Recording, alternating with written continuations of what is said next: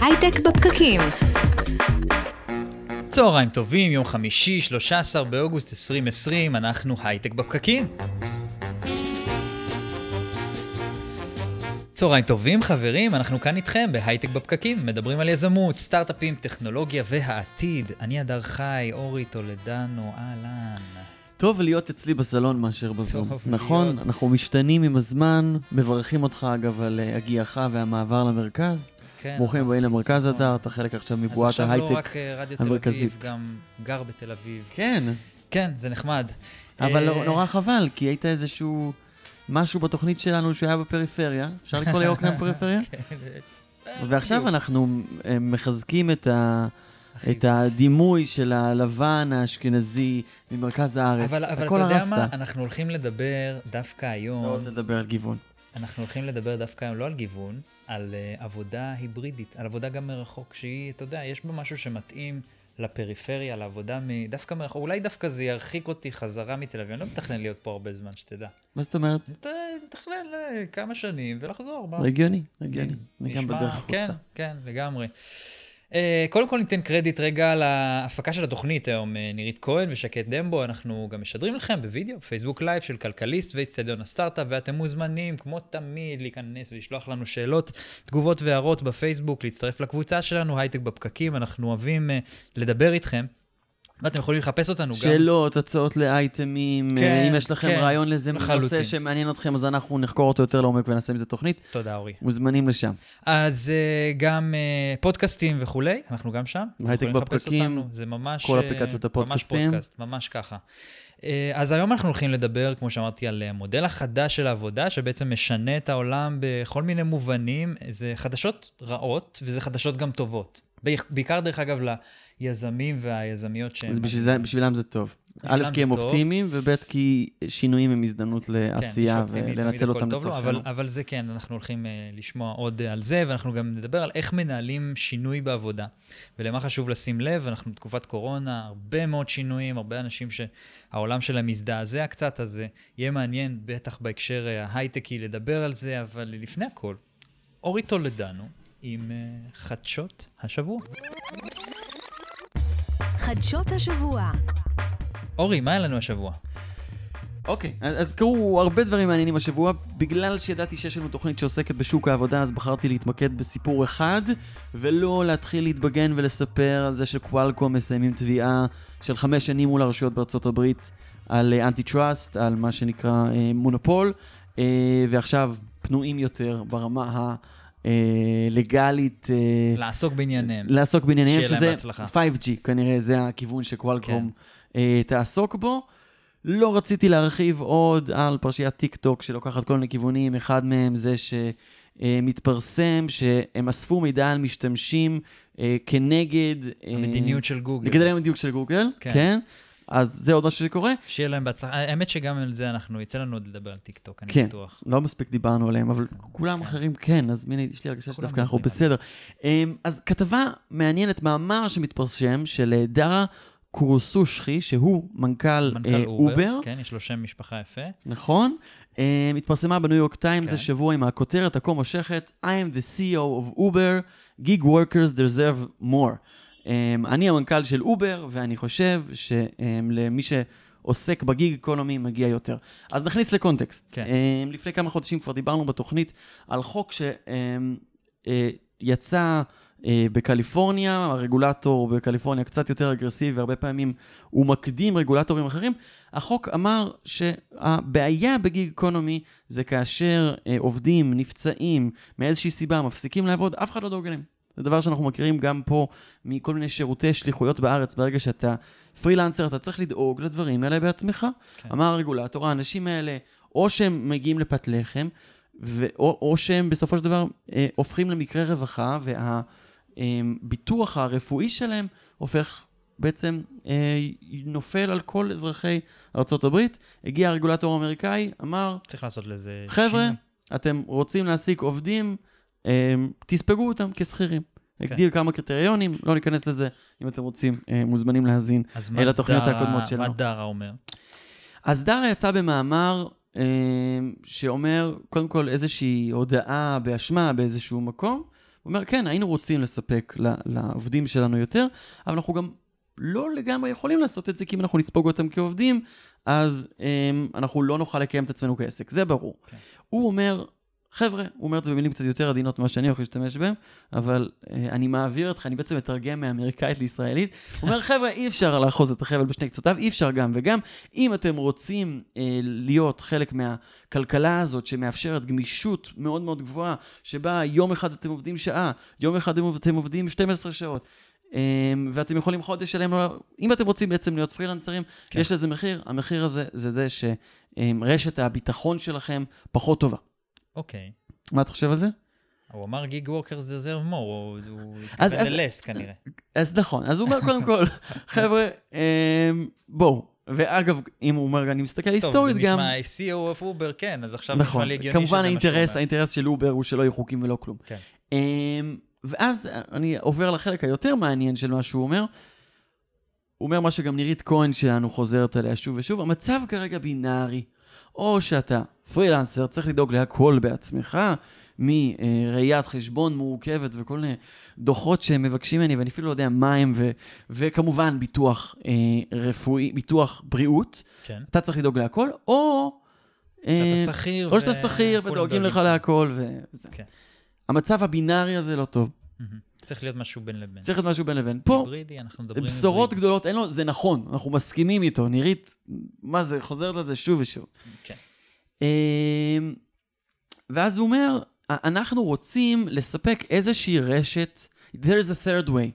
יש איזשהו מקום למשהו על הספקטרום, ומה שהוא מציע, פרקטית, הוא אומר, אנחנו מציעים בהשתתפות העובד והמעסיק, אנחנו לפתוח איזושהי קרן שאנחנו נפריש לה תשלומים, וגם אמ, העובד יפריש לה תשלומים, ובמידה ויקרה משהו, אמ, אנחנו נוציא מתוך הקרן הזו. הוא. נוקב סכומים. כאילו איזה סוג של אה, מין, אנחנו מעסיקים, אבל כאילו משהו בין לבין כזה. נכון, שזה כשלעצמו אחלה קונספט. מעניין. עכשיו עולה השאלה, יאללה, מעולה, תעשו את זה. אז אה, מהבחינה אולי הזאת, זה רק מאמר. לא, מהבחינה הזאת, יש סיבה מעולה שלא עושים את זה כבר עכשיו, כי ברגע שהם יעשו את זה, זה ייראה כאילו הם נותנים זכויות שבדרך כלל נותן, נותנים לשכירים, ואם יתבעו אותם, סביר להניח שיפסקו נגדם, כי הם באמת כאילו מעסיקים שכירים, הם רגולטורית מבחינה משפטית, הבנתי, יש. סיבה שהם לא עושים את זה. והם אומרים, אז צריך, אז צריך שהחוק יקודם בעצם. צריך ש... זה מה שהם אומרים. זה החוק, זה מה שהוא מנסה אה, להגיד. הוא גם אומר, אנחנו יכולים לעשות את זה בשיתוף עם עוד כמה אה, חברות שמעסיקות פרילנסרים ביחד. אנחנו, לא הכל חייב ליפול דווקא על אובר, שבאמת הייתה אה, במרכז הסערה ובמרכז החקיקה הזו. אה, והוא אומר, אם אתה עובד נגיד גם באובר וגם בשירות משלוחים אחר, אז אפשר לעשות שהקרן הזאת תהיה של כמה חברות ביחד. מהבחינה הזאת, Mm, נכון מגניב? כן, לגמרי מגניב. מה אתה אומר על זה? נשמע, נשמע מגניב, נשמע מעניין. כן. אה, להיות, אבל אז, אז נגיד אתה פרילנסר, אז מי בעצם משלם לך או, מהקרן הזאת? או, אז נגיד עכשיו נפצעת, האם אובר משלמים לי, או, כן. או הדורדש שאני עובד אצלם משלמים לי. אמ, אז כמובן שיש את הפרטים הקטנים, ו-God is in the details, אבל קודם כל אני חושב שיש פה שני דברים שאני רוצה שניקח מה, מהעניין הזה. דבר. אחד, שהחוק כרגע פגום. אמ, גם ה-AB5 שהוא קיצוני ואומר אה, שאובר וחברות, וחברות דומות שהן חלק מהגיג איקונומי חייבות להעסיק את העובדים, זה מוגזם, זה קיצוני, החברות האלה יקרסו וזה יהיה רע לכולם. מצד שני, כרגע העובדים מופקרים, במיוחד נגיד אנחנו מדברים על משלוחים שהם נעשים על אה, אופנועים ואופניים, זה מסוכן, זה סביר, יש סיכוי אמיתי, מהותי, שהאנשים האלה ייפצעו, וצריך לדאוג להם. כן. אה, אז זה, חייבים להציף את זה. מהבחינה הזאת החקיקה מפגרת. אז צריך למצוא איזשהו משהו. אני חושב שה-third way שהוא מציע זה לגמרי כיוון למחשבה. תודה, אורי, על חדשות השבוע. בכיף, בכיף. נמשיך. נמשיך. כשמשבר הקורונה התחיל רק לפני חצי שנה, הביעו חברות ייעוץ רבות תקווה שהמשבר הכלכלי הנלווה אליו יסתיים בסוף השנה, או לפחות אה, בתחילת 2021. אלא שאז טפחה המציאות על פניהן, מכיוון שהיה קשה לצפות מראש, השינוי בדפוסי העבודה. עם המילים הללו פתח דוקטור רועי צזנה את הפרסום שלו עם נקודת מבט מעוררת מחשבה, איך האופן שבו אנחנו עובדים יכול לשנות את העולם. אהלן רועי, ברוך הבא. אהלן וסהלן, תודה. שמעתי שחזרת לישראל, בגלל זה אני אומר ברוך הבא. תגיד, כן, אה, חזרתי, טוב להיות כאן. נמצא בבידוד עדיין או שהפסקת עם זה? אני בבידוד, אה, כן, עד אה, סוף השבוע, עם שני ילדים, לבד. מדי פעם אני ישן. עובד עדיין בשם קליפורניה. אוקיי, אז, אז עכשיו במיוחד זה רלוונטי. אתה מדבר הרבה על המונח עבודה היברידית. מה, מה זה בדיוק אומר? למה היא עדיפה בעיניך? אז uh, בהתחלה דיברו הרבה על עבודה מרחוק, שזה או עבודה מרחוק או עבודה במשרד. זה אגב uh, כשל רגיל בחשיבה על העתיד, או-או, במקום לדבר על גם שחור לבן. וגם. כן. יפה. כן, ובמציאות הרוב uh, זה בגוונים של אפור. 50 גוונים של אפור, 100 גוונים של אפור, כמה שצריך. Um, ומה שאנחנו רואים כבר עכשיו, זה שחברות שמאפשרות לעובדים שלהן בעצם לשלב עבודה במשרד ועבודה מהבית, מרוויחות מזה מאוד יפה. אה, אנחנו רואים את זה עם צ'ק פוינט לאחרונה, שגיל שווד אה, דיבר על הנושא, והסביר שבזכות דפוס העבודה ההיברידי הוא יכול להיפגש עם הרבה יותר אנשים ביום, הוא חוסך בהוצאות דלק ותחבורה, לעובדים, העובדים חוסכים לעצמם שעתיים של נסיעה האמת, תשמע, זה, זה, זה נשמע נורא הגיוני, ו- ואני חושב שאתה בעצם נהנה מהעבודה מהבית ומהעבודה מהמשרד. אני חייב להגיד שאני גם, בחברה שלי, עוד לפני שכולם דיברו על זה, עשיתי את זה בדיוק. אתה, לפני שזה היה מגניב, כבר היית בתוך זה. לפני שזה היה מגניב, אני הייתי, בדיוק, זה מה שעשיתי. אה, ואתה אתה, אתה, אתה אומר שעבודה היברידית אה, תעמיק את המשבר הכלכלי, למה זה בדיוק? כן, על פניו חיובי. אז, כן, זה נשמע, נשמע דבר טוב סך הכל. כן, זה באמת אה, דבר טוב בסך הכל, זה נות... העובדים יותר בריאים, כי הם לא צריכים לסבול מנסיעות ארוכות, דבר שפוגע בבריאות שלהם, נמצאים יותר זמנים במשפחה, עובדים גם יותר טוב, כל אחד לפי דפוס העבודה שלו, וכן הלאה וכן הלאה. נהדר. כן. אלא שמה? יש אה, בעיה עם דפוס העבודה הזה שאנחנו חוששים שיעמיק את המשבר הכלכלי, מכיוון שהוא בעצם יפגע בתעשיות ובשווקים שעליהם מבוססת הכלכלה היום. אני רוצה לתת שתי דוגמאות אה, מרכזיות. קחו את תעשיית הרכב. השימוש המרכזי שלנו ברכב הפרטי הוא להגיע לעבודה. כן. כל יום יש לכם מאות אלפי מכוניות שגודשות נתיבי איילון, שמביאות עובדים למגדלי עזריאלי, למשרדים, לשאר בתי העסק, ועכשיו מה קורה? עם חצי מהעובדים האלו לא צריכים כבר להגיע לעבודה בכל יום. אגב, זו עבודה היברידית, כן? אז הם לא, הם לא לגמרי יושבים מרחוק. אבל רק חצי מהזמן הם צריכים להגיע לעבודה. אין פקקים פתאום, זה, אני, אני בכלל נלחץ. כי אז מי, מי יקשיב לנו? זה בכלל יהיה מדהים. כן, אבל הם כבר לא צריכים רכב פרטי באותה רמת דחיפות, אז החברה לא תרכוש עבורם רכב. היא תשלם על מונית כמה, יום, יומיים, שלושה בשבוע, כן. שת, שתאסוף את העובדים. אז מה שעומד לקרות כנראה בקרוב, בשנה הקרובה זה שהרבה מאוד חברות במרכזי הערים, או שיחזירו אה, חלק מרכבי הליסינג שיש לעובדים שלהם כיום, או שימנעו מחתימה על חוזי ליסינג חדשים, והכיוון הזה יתחזק עוד יותר, מכיוון שהרבה מאוד חברות יצטרכו לקצר את החגורה ולחסוך בהוצאות ויקצצו בכל הוצאה מיותרת. אז חברות הרכבים, יבואני הרכבים, אה, מה עם המוסכים? אה, יש לכם 6,000 מוסכים בישראל, אנחנו מדברים... שמעסיקים לפחות עובד. אנחנו מדברים הרבה בתוכניות גם על, על הרכבים האוטונומיים, אז אני מניח שברגע שיש פחות מכוניות על הכבישים, יש גם פחות אינסנטיב להריץ, לקדם את, ה, את הקדמה בתחום הזה. אכן כן. אמ, זה אגב חשש שלי, ש...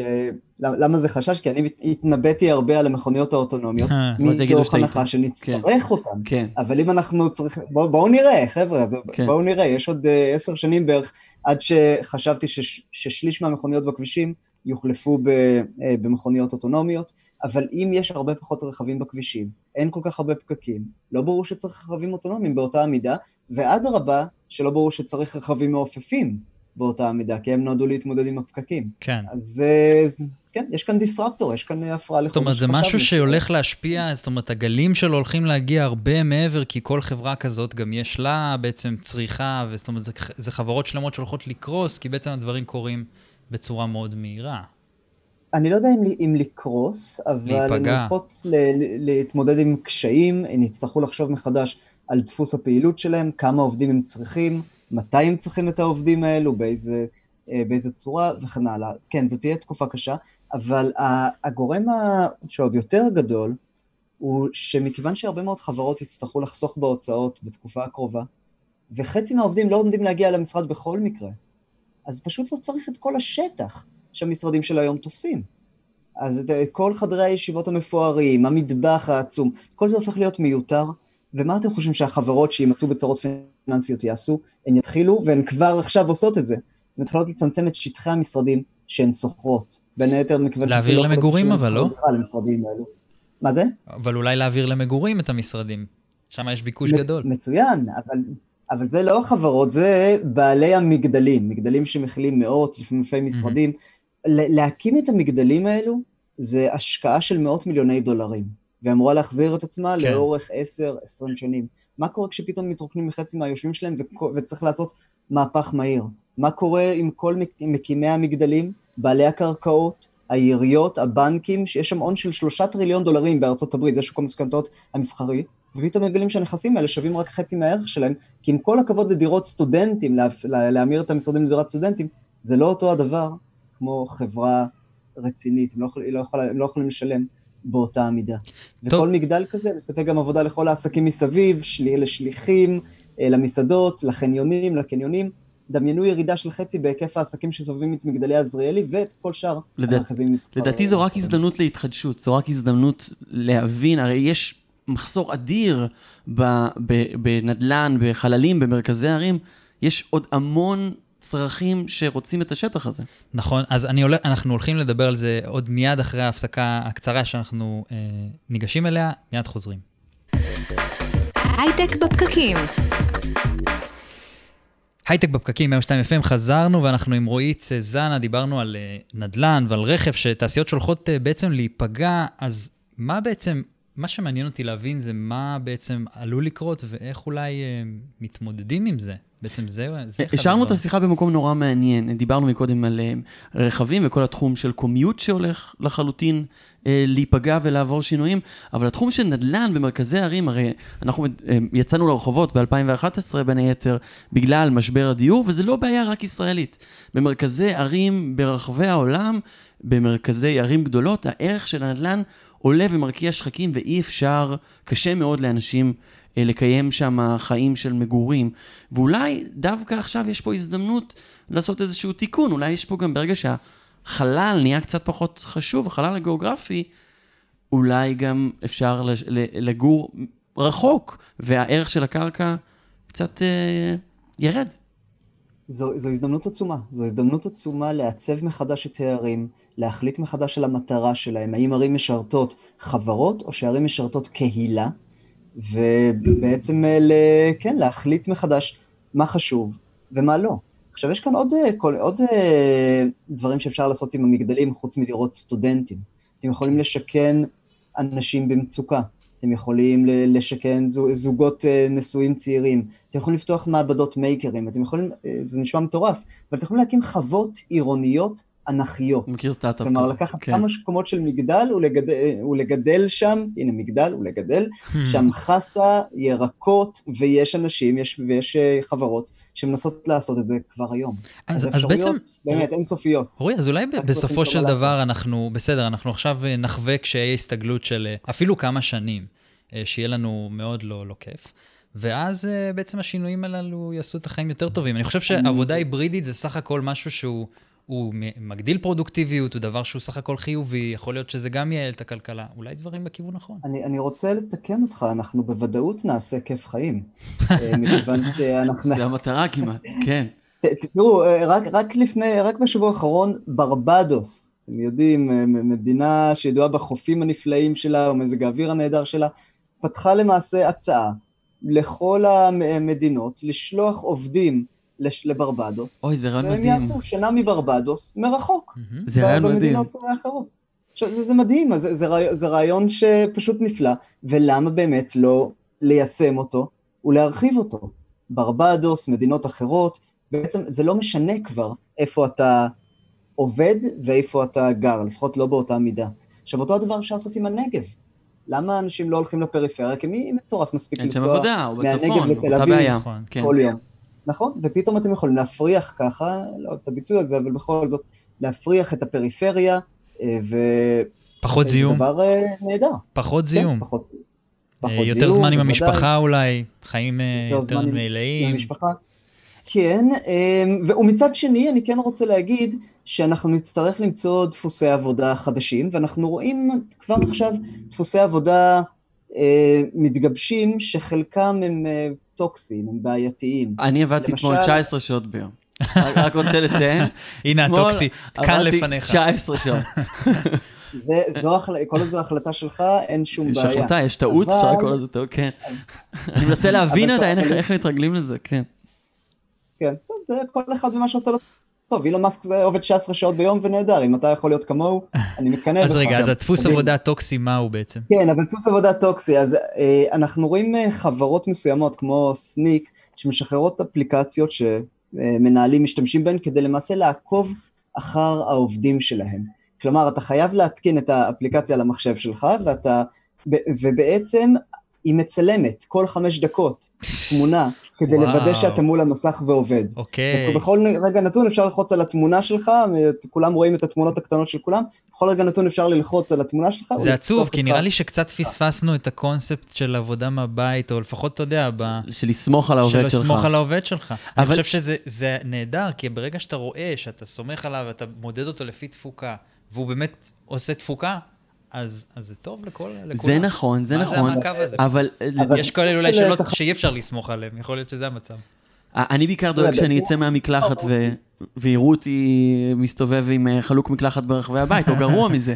אבל אה, אני חושב שכן יש משרות ותפקידים וסיטואציות מסוימות שהיכולת לעקוב אחר מי שעובד בבית היא הכרחית. אה, אתה, לדוגמה, מדבר על תרחישים של בתי משפט דיגיטליים. כאשר יש למשל, כן. עדים שצריכים לעקוב אחרי משפט, אבל עלולים לגלוש אה, באתרי אינטרנט שנראים להם באותו רגע מעניינים יותר. אז זה מהותי ש- שהם יסתכלו ו- ובאמת, כן, יעקבו אחריהם. כן, הלוואי, ש... הלוואי שגם אה, שופטים היו עוברים את אותה רמה של אה, כן. ביקורת כזו. אבל תראו, תראו למעשה, יש, יש הרבה מאוד פונקציות שאנחנו רוצים שיהיה מישהו שיס... שנצלם בחזרה את האנשים שיושבים בצד השני של המחשב. כן. מבחנים למשל. כן. נכון. מבחנים אה, באוניברסיטאות. זה לא עובד אה, כרגע. מפגשים עם משרדי הממשלה. אגב, אני יכול, אה, יש כבר נוטריון אונליין בארצות הברית, שאני יכול להזדהות מולו במחשב, להראות לו את, את הדרכון שלי או תעודת הזהות, ועבורו זה מספיק. כלומר, זה מספיק אה, זה נשמע לי כמו משהו המסך. שהוא לגמרי לא מספיק. מה זה? זה נשמע לי משהו שהוא לא מספיק, כאילו, אפשר לזייף את זה, לא? אמ, אז אני הייתי אומר ככה, שאני הייתי אומר שאני לא בטוח שצריך אפילו את הנוטריון האנושי, כי יש לך זיהוי פנים. כן. ואם, זה, ואם אם אתה עושה זיהוי פנים, וסיסמה, ותעודה שהיא, שהיא אמורה להיות שלך ולא, ולאף אחד אחר אין אותה, זה די ויותר כדי שבאמת אה, נאמין שזה, שזה אתה. מעניין. אה, זה טוב, זה אז- מבורך. אה, תגיד, כל אומרים זה ש... עוד לפני שהמציאות המדומה נכנסה, כן? כן, וזה בכלל אה, מעניין, והדיפ פייקים, וזה זה קצת לצדדים בסדר, ש... בזמן שאנחנו בבית מפחידים. מסתכלים על מסכים, שיהיה לנו דברים שיאתגרו את המציאות. כן. נראה לי הגיוני. עוד יותר יאתגר אותנו, ועוד יותר יגרום לנו לחשוב שאנחנו באיזו מציאות מוזרה כזאת שאי אפשר לדעת מה נכון ומה לא.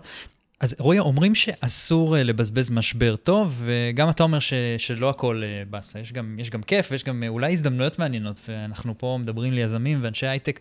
בכל זאת, איזה הזדמנויות למשל אתה רואה? ככה ברמה, אפילו ברמה המקרואית, דברים שיכולים להיות אולי מעניינים ולהדליק נורות אצל אנשים.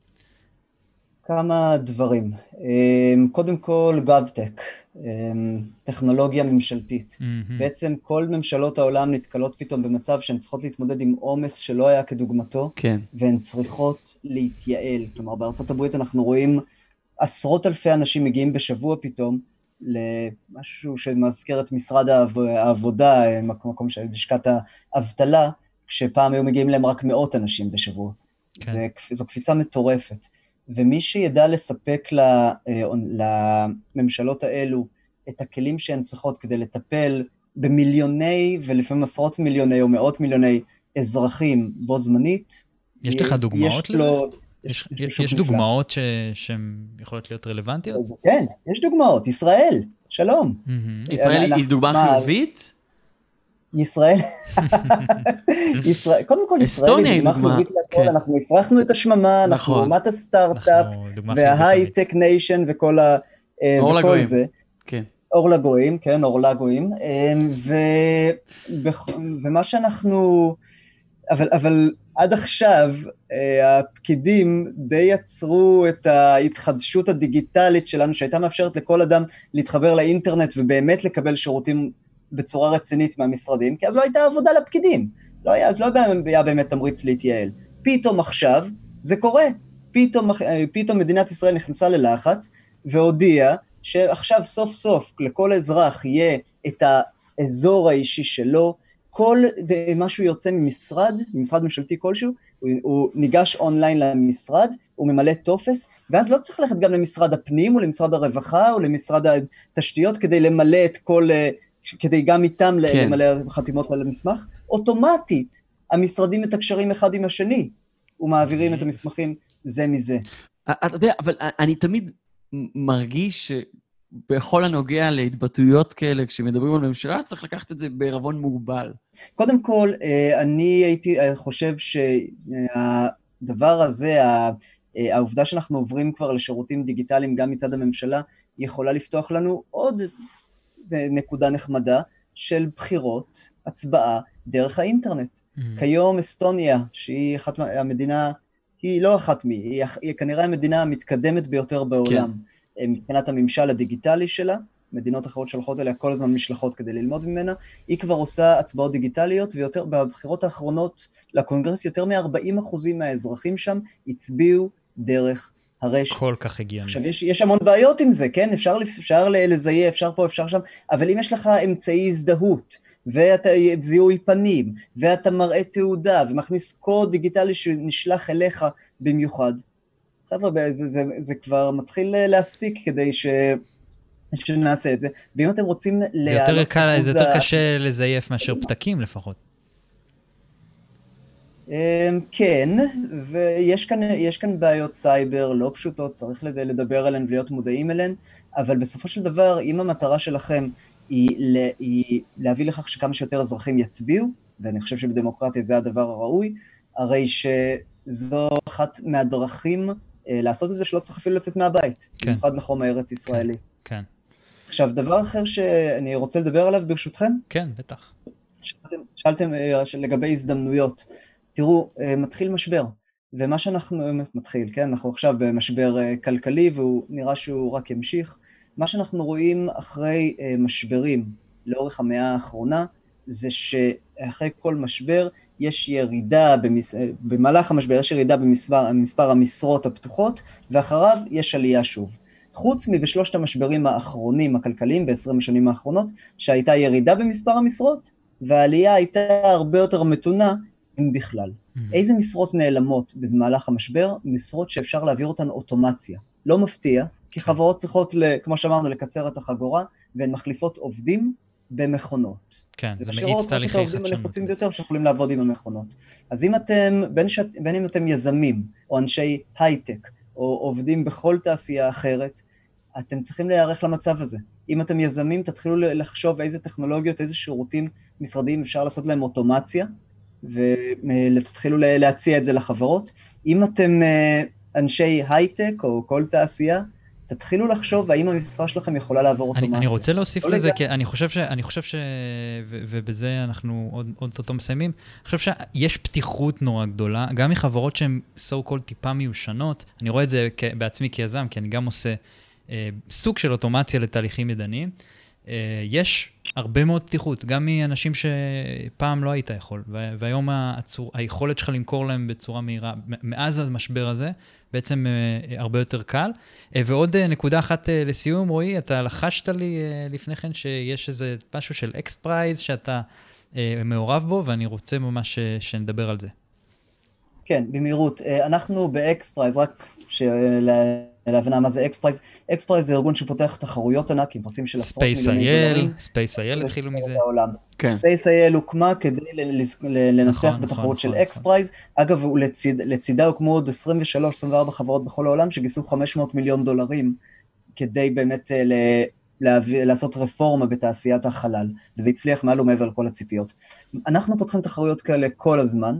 אמ, וממש לאחרונה פתחנו תחרות חדשה מאוד מאוד רלוונטית ל- לימים אלו, שנקראת Rapid Testing X Prize. אנחנו בעצם מחפשים פתרונות ש- שיאפשרו לבתי ספר, למשרדים, למשרדי ממשלה, אה, לעשות בדיקות מהירות לכל מי שנכנס, אה, בעלות של חמישה דולרים לבדיקה, עלות של כוס קפה בארצות הברית, אה, ו... ו- לבדוק ולקבל מה? תוצאות תוך זמן קצר ברמת אה, דיוק גבוהה. מה הכוונה, אבל מה- מה הבדיקות? מה הבדיקות שעושים? אני, אז זה, זה בדיוק העניין. אנחנו מחפשים, אנחנו מחפשים מתחרים וחברות כן. שיציעו לנו את סוג הבדיקה. אנחנו Mhm. אגנוסטיים לפתרונות, הבנתי. לא אכפת לנו מה הפתרון, כל עוד הוא אומר, עומד בקריטריונים מסוימים. אז אם יש ואני לכם... יכול להגיד לכם שנרשמו כבר מאות חברות, ואנחנו מחפשים עוד ועוד ועוד רעיונות שיבואו ויירשמו לדבר הזה, וכבר בחודשים הקרובים יצטרכו להדגים את המוצר שלהם, ומישהי מהן שח- שעולה לשלב הבא, תצטרך ממש ליישם אותו, לממש אותו, במוסד אה, ציבורי. אז אם יש לכם... ת- תודה רועי, ואם יש לכם רעיונות לאן לאן צריך להירשם? לאיפה צריך ללכת? חפשו Rapid Testing X Prize, ותמצאו מיד את כל המידע שאתם עולה, רו- דוקטור רועי צזנה, עתידן, שיהיה לך המשך יום מעולה. תודה רבה. תודה רבה, היה מרתק. אה, תודה. ביי, להתראות. ואנחנו מיד חוזרים, אה, תישארו איתנו. הייטק בפקקים. הייטק בפקקים, חמישי בשעה 12, 102 FM, אנחנו חזרנו, ואני מזכיר שאנחנו גם משדרים בפייסבוק, העמוד שלנו נקרא איצטדיון הסטארט-אפ, והקבוצה הייטק בפקקים. אתם אה, מוזמנים להיכנס לשם, אנחנו רוצים לראות אתכם שם, וגם אתם יכולים לשמוע אותנו בפודקאסטים, ספוטיפיי, SoundCloud, אפל פודקאסט וכל אפליקציה אחרת שאני אפילו לא מכיר את השם שלה. ומילת החיפוש? בפקקים. בפקקים, כי אנשים מנסים לפעמים לחפש פקקים ואז הם לא מוצאים, אז או בפקקים. הייטק, יש 200 דרכים לכתוב הייטק. כן. זו סטטיסטיקה אחרונה. אזור המוות, כך מכנים מטפסי ההרים את הגבהים שמעל 8,000 מטר. באזור זה החמצן דליל מדי ואינו מאפשר קיום אנושי. כדי להגיע לפסגות שמתנסות מעל הגובה הזה, המטפסים נדרשים להשתמש בבלוני חמצן. מרבית המטפסים שלא שרדו את הדרך לפסגת האברסט. מצאו את מותם באזור המוות. המונח הזה שגור לא רק בפני מטפסי הרים, הוא מוכר גם היטב למי שמוצא את עצמו בלי עבודה בגיל 45 עד 50, קל וחומר בגיל מתקדם יותר. הסיכוי למצוא עבודה בגיל הזה אפסי. מי שמנסים לתת לקבוצת אוכלוסייה זו בלון חמצן הם מייסדי הסטארט-אפ החדש, פיוטרינג אפ, אלכס קפלון, שוש ברנשטיין ודן אריאלי. הפלטפורמה שהקימו נועדה לפתור את הבעיה של מחוסרי עבודה בשלושה היבטים, מקצועי, חברתי ופיננסי. מוכר לכם מה שהקראתי עכשיו? שושי ברנשטיין, שלום. בטח, החזרת אותי עכשיו להיסטוריה הרחוקה. או-אה, זה או-אה. כתבה, כן. אז אה, רגע, כן, אז עכשיו, ככה, ככה התחלנו, נכון. זאת, זאת הייתה תחילת הדרך שלכם, של פיוטרינג אפ. אה, רגע, למי שלא לפני, לא אה, היה נשמע. לא מוכר, מה מה קראת עכשיו? קראתי אה, כתבה בדה-מרקר שכתבו עליהם לפני שנתיים, שהם התחילו את הדרך.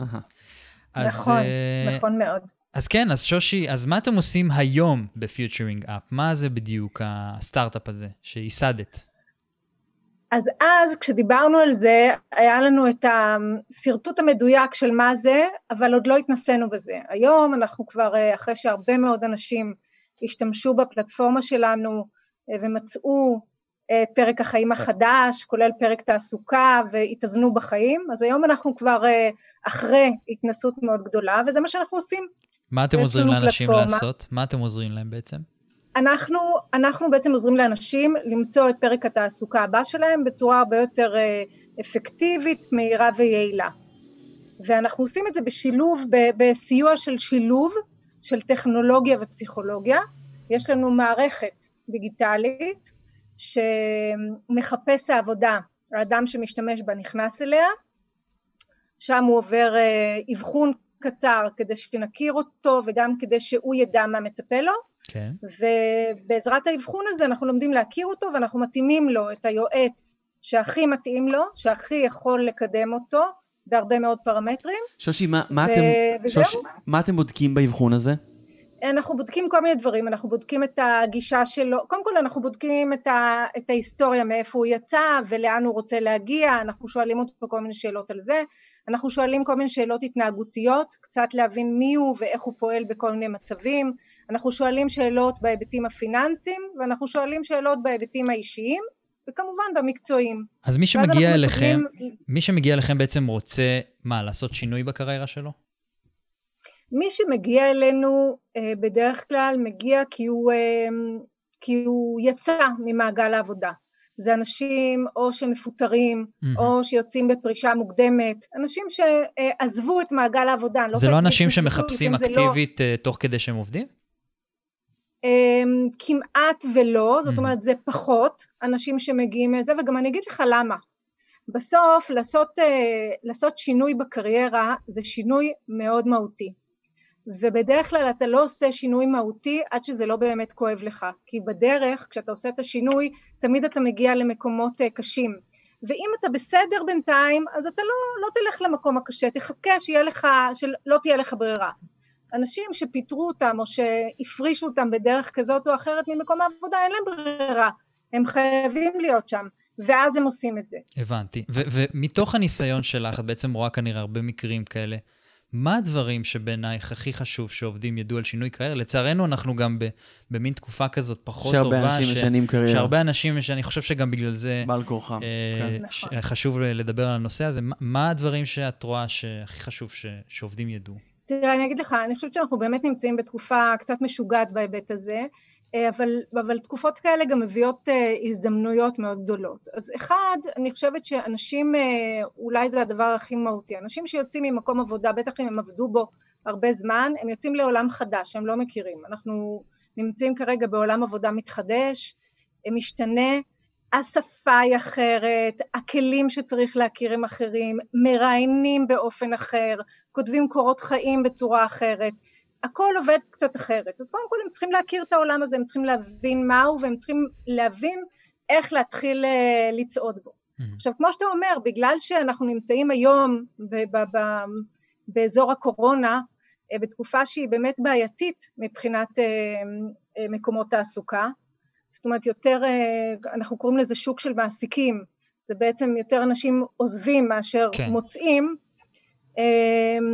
זה הזדמנות מצוינת לעשות אה, רגע פסק זמן ולהבין איפה אני נמצא, לעשות מיפוי של הכישורים שלי, להבין ביחס לפרק, לפרק הבא, ביחס לדבר הבא שאני רוצה לעשות, מה יש לי ומה חסר לי, ו- מה אני צריך. איך, איך נראית בדרך כלל המלצה שאתם מוציאים? זה ממש, אתה צריך לעבוד ב-X, את צריכה לעבור הכשרה מקצועית כזו, ומעניין אותי גם עד כמה השינויים דרמטיים עבור האנשים, אם אתם מנסים בדרך כלל לתת להם איזשהו שיפט קטן לכיוון אחר, או ממש לעשות מהפכה כוללת.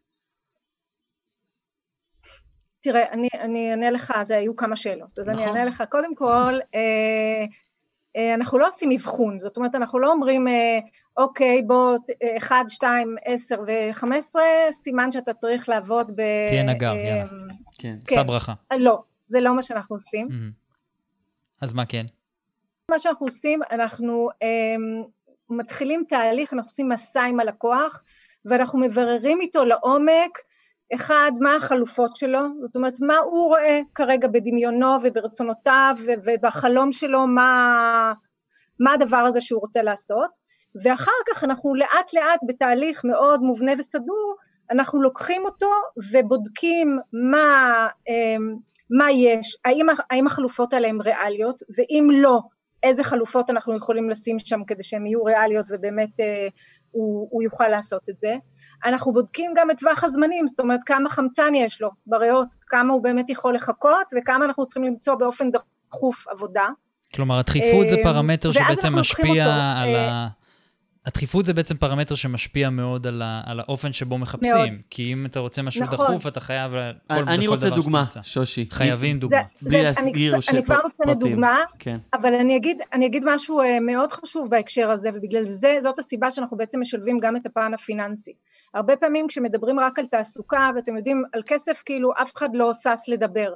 אני לא בא לי לדבר על המצב הכספי הלא נוח שלי כרגע, כי פיטרו אותי, וגם בדרך כלל היועץ שלי שהוא מתעסק בתעסוקה והוא, והוא טוב בתעסוקה הוא לא ישאל אותי, הוא במקסימום יגיד לי תגידי ויש לך מספיק כסף או איך את מסתדרת ואני אגיד לו אז אני מדברת עם סוכן הביטוח שלי או אני הולכת לרואה חשבון שלי ו, ושם זה ייגמר. פה אנחנו שמים את החלק הפיננסי על השולחן ואז אנחנו יכולים ביחד לראות עד כמה יש לנו אוויר וזה לא רעש שברקע אמ, זה שעון חול, זה טיימר. עכשיו אני אתן לך דוגמה, אני אספר לך דווקא סיפור אה, מאוד נחמד שאנחנו אוהבים לספר אותו כי הוא סיפור אה, הצלחה. הגיע אלינו איזה בחור אה, שהתעסק, הגיע, פוטר מאחת העיריות, היה באגף התברואה, חבר'ה שאוספים את הזבל. כן. וככה התחיל תהליך מאוד מעניין זה היה משהו שהגיע במפתיע, הוא לא היה מוכן לזה, והוא היה בטוח שבעצם הוא לא יודע לעשות שום דבר אחר. בתהליך הזה, במסע שהוא עבר, אמ, חזרנו, ל... הוא חזר עם היועצת שלו לימי התיכון, וששם הוא למד נגרות, וגם הוא נזכר שהוא מאוד אהב את זה, הוא לא התעסק בזה כל השנים האלה, הוא כבר היה בן חמישים ומשהו, לא התעסק בזה כל השנים האלה, אבל הוא נזכר שהוא בעצם מאוד אוהב את זה. והוא התחיל לברר סביב הנושא הזה מה הוא יכול לעשות. אה, בגלל שגם נכנסנו לחלק הפיננסי, אז אה, גילינו שיש לו איזה קרן השתלמות שהוא יכול לקחת ממנה הלוואה בתנאים מאוד נוחים, הוא לקח הלוואה, הוא עשה קורס ב... אה, ועזרנו לו למצוא את הקורס הנכון באזור שלו בנגרות אומן, שזה סוג מסוים של נגרות, mm-hmm. וכשהוא סיים את התהליך הוא פתח אה, עסק קטן, עוסק פטור, שבעצם הוא התחיל לעשות אה, אה, אה, בנגרות דלתות לתשמישי קדושה. יפה. shift מטורף, ו... ואיך, שושי, איך את... זה, זה דברים שאי אפשר אגב לעשות אותם לבד, זה, אתה חייב את הליווי. כן, חייב שישאלו אותך את השאלות הנכונות. אבל זה, זה בן אדם ששואל את השאלות. עכשיו, איך הטכנולוגיה, אתם בסוף אנחנו גם, אנחנו הייטק בפקקים, חברת טכנולוגיה, איך הטכנולוגיה פה באה לידי ביטוי? איך אתם מנתחים אותי ואומרים לי מה, מה בדיוק אני צריך אה, בחיים? אולי את יודעת, אנשים גם... הטכנולוגיה אני אספר לך, הטכנולוגיה כן. באה לידי ביטוי על ידי זה שבעצם, בגלל שאנחנו עובדים כל הזמן על, על, על פלטפורמה טכנולוגית, אנחנו עושים שני דברים. אחד, שיחות הוידאו, אה, שעלה, שמהן אפשר ללמוד הרבה מאוד, כי למשל עושים סימולציות של ראיון ועושים הרבה דברים בוידאו, הן תמיד מוקלטות והן נשארות לעובד, ללקוח, יש שולחן עבודה משלו, שם אה, נערבים לו כל הכלים האלה שאנחנו בונים במהלך התהליך, אז אנחנו בונים כלים של אה, רשת קשרים, של אה, אפשרות לכתוב קורות חיים, של אה, החיפוש הזה של המציאה של חלופות תעסוקה ועוד ועוד ועוד, הרבה מאוד כלים, בעיקר תעסוקתיים אבל גם פיננסיים, mm-hmm. ובסוף בעצם כשהתהליך נגמר כל הכלים האלה, בגלל שעבדנו על פלטפורמה דיגיטלית, כל הכלים האלה נשארים איתך. זאת אומרת התהליך נגמר, היועץ עבר ואתה עברת לשלב הבא, אבל אתה תמיד יכול לחזור אליו. ואנחנו יודעים, והסטטיסטיקה מראה, במיוחד אנשים מעל גיל 45, אמ, שעוזבים מקומות עבודה, התחלופה אחרי זה היא יותר מהירה, זאת אומרת אנשים נשארים שנתיים שלוש ושוב עושים shift, עוד שנתיים שלוש ושוב עושים shift. איך את מסבירה את זה אגב? ש... אמ, זה, אני לא, אני, לא כל, אני לא נכנסת עכשיו להסבר, זאת המציאות, המציאות היא שאנשים בגילאים האלה כבר אמ, אחרי שהקריירה המרכזית מאחוריהם, עכשיו הם עושים, השיפטים הם יותר מהירים. זה לאו דווקא רע, אגב, הדור שלכם זה דור שעושה את זה כל הזמן, זה טוב, זה אומר שאנחנו מסתגלים לעולם העבודה המשתנה ואנחנו כבר יודעים יותר אה, לחיות בו. כן. אבל דווקא בגלל שזה קורה, לא צריך כל פעם לקחת אה, עזרה מחדש, יש לי את כל הכלים, הם מלווים אותי כל הזמן, אני יכולה לחזור אליהם, אני יכולה לראות את ההקלטה, אני יכולה להוריד מסמכים, אני יכולה להוריד כלים אז, שהם מאוד אז פרקטיים. אז שושי, זה, זה בעצם תוכנה ל, לנהל, אם אני ככה מנסה לתת לזה כותרת, תוכנה לנהל שינוי קריירה בעצם, אפשר לומר, נכון? ממש, אז, נכון. אז השאלה שלי, גם, יש, לי שאל, גם... יש לי שאלה בשבילך. למה כן. בעצם לנהל את, ה, את השינוי קריירה, ולא בעצם תוך כדי, כאילו, החיים שלנו זה הרי רצף של שינויי קריירה, שלא בהכרח, הרי רשת קשרים, אמרת רשת קשרים. בסוף רשת קשרים זה משהו שאתה מטפח אותו כל הזמן. למה התוכנה, למה לצורך העניין תוכנה כזאת היא רק למצב שבו מפוטר, ואז אתם באים אליו? למה אתה, למה לא בעצם לנהל את הדבר הזה לאורך הזמן? כי בעצם אתה, אתה כל הזמן מתקדם, אתה כל הזמן מחזק את הרשת קשרים. למה לעשות את זה רק באותו רגע? זה, זה לא חכם. קודם כל אתה ממש צודק, אתה ממש צודק במה שאתה אומר, וזה היתרון הגדול של המערכת, זה נשאר איתך, ואתה אחרי זה, למשל רשת קשרים שהיא רשת דינמית ואתה יכול כל הזמן לעדכן אותה, יש לך אותה על המחשב, okay. אוקיי. ותעבוד איתה מעכשיו כל הזמן. אבל נכנס כאן האלמנט של מה שאמרתי לך מקודם, אתה מגיע לנקודה, זה נכון, זה בעיקרון תנהל את זה כל הזמן, אבל בדרך כלל אתה לא מגיע לעשות את זה אם לא הגעת לשבר, אם לא הגעת למשבר. פגש אותך המשבר, אתה מבין שאתה הטריגר. חייב לעשות את זה, אתה נכנס לזה, משם תמשיך. זה הטריגר. אוקיי, אז שושי ברנשטיין, מייסדת שותפה בפיוטרינג אפ. תודה רבה. זה היה מעניין מאוד. לגמרי. שינויי קריירה, לנהל אותם. תודה רבה, שושי. יום... תודה רבה לכם. ואנחנו ממש אה, לקראת סיום, אז אה, תודה לכל מי שהיה איתי. תודה לאורי, תודה לך. תודה, בכיף, תודה דר חי. ותודה לנירית כהן, שקד דמבו, תודה לכלכליסט, לרדיו תל אביב על שיתוף הפעולה. תודה לכם שהאזנתם לנו, ואם הצטרפתם רק בסוף, אתם לא צריכים לדאוג, כי כמו תמיד זכרנו להקליט את זה, אורי.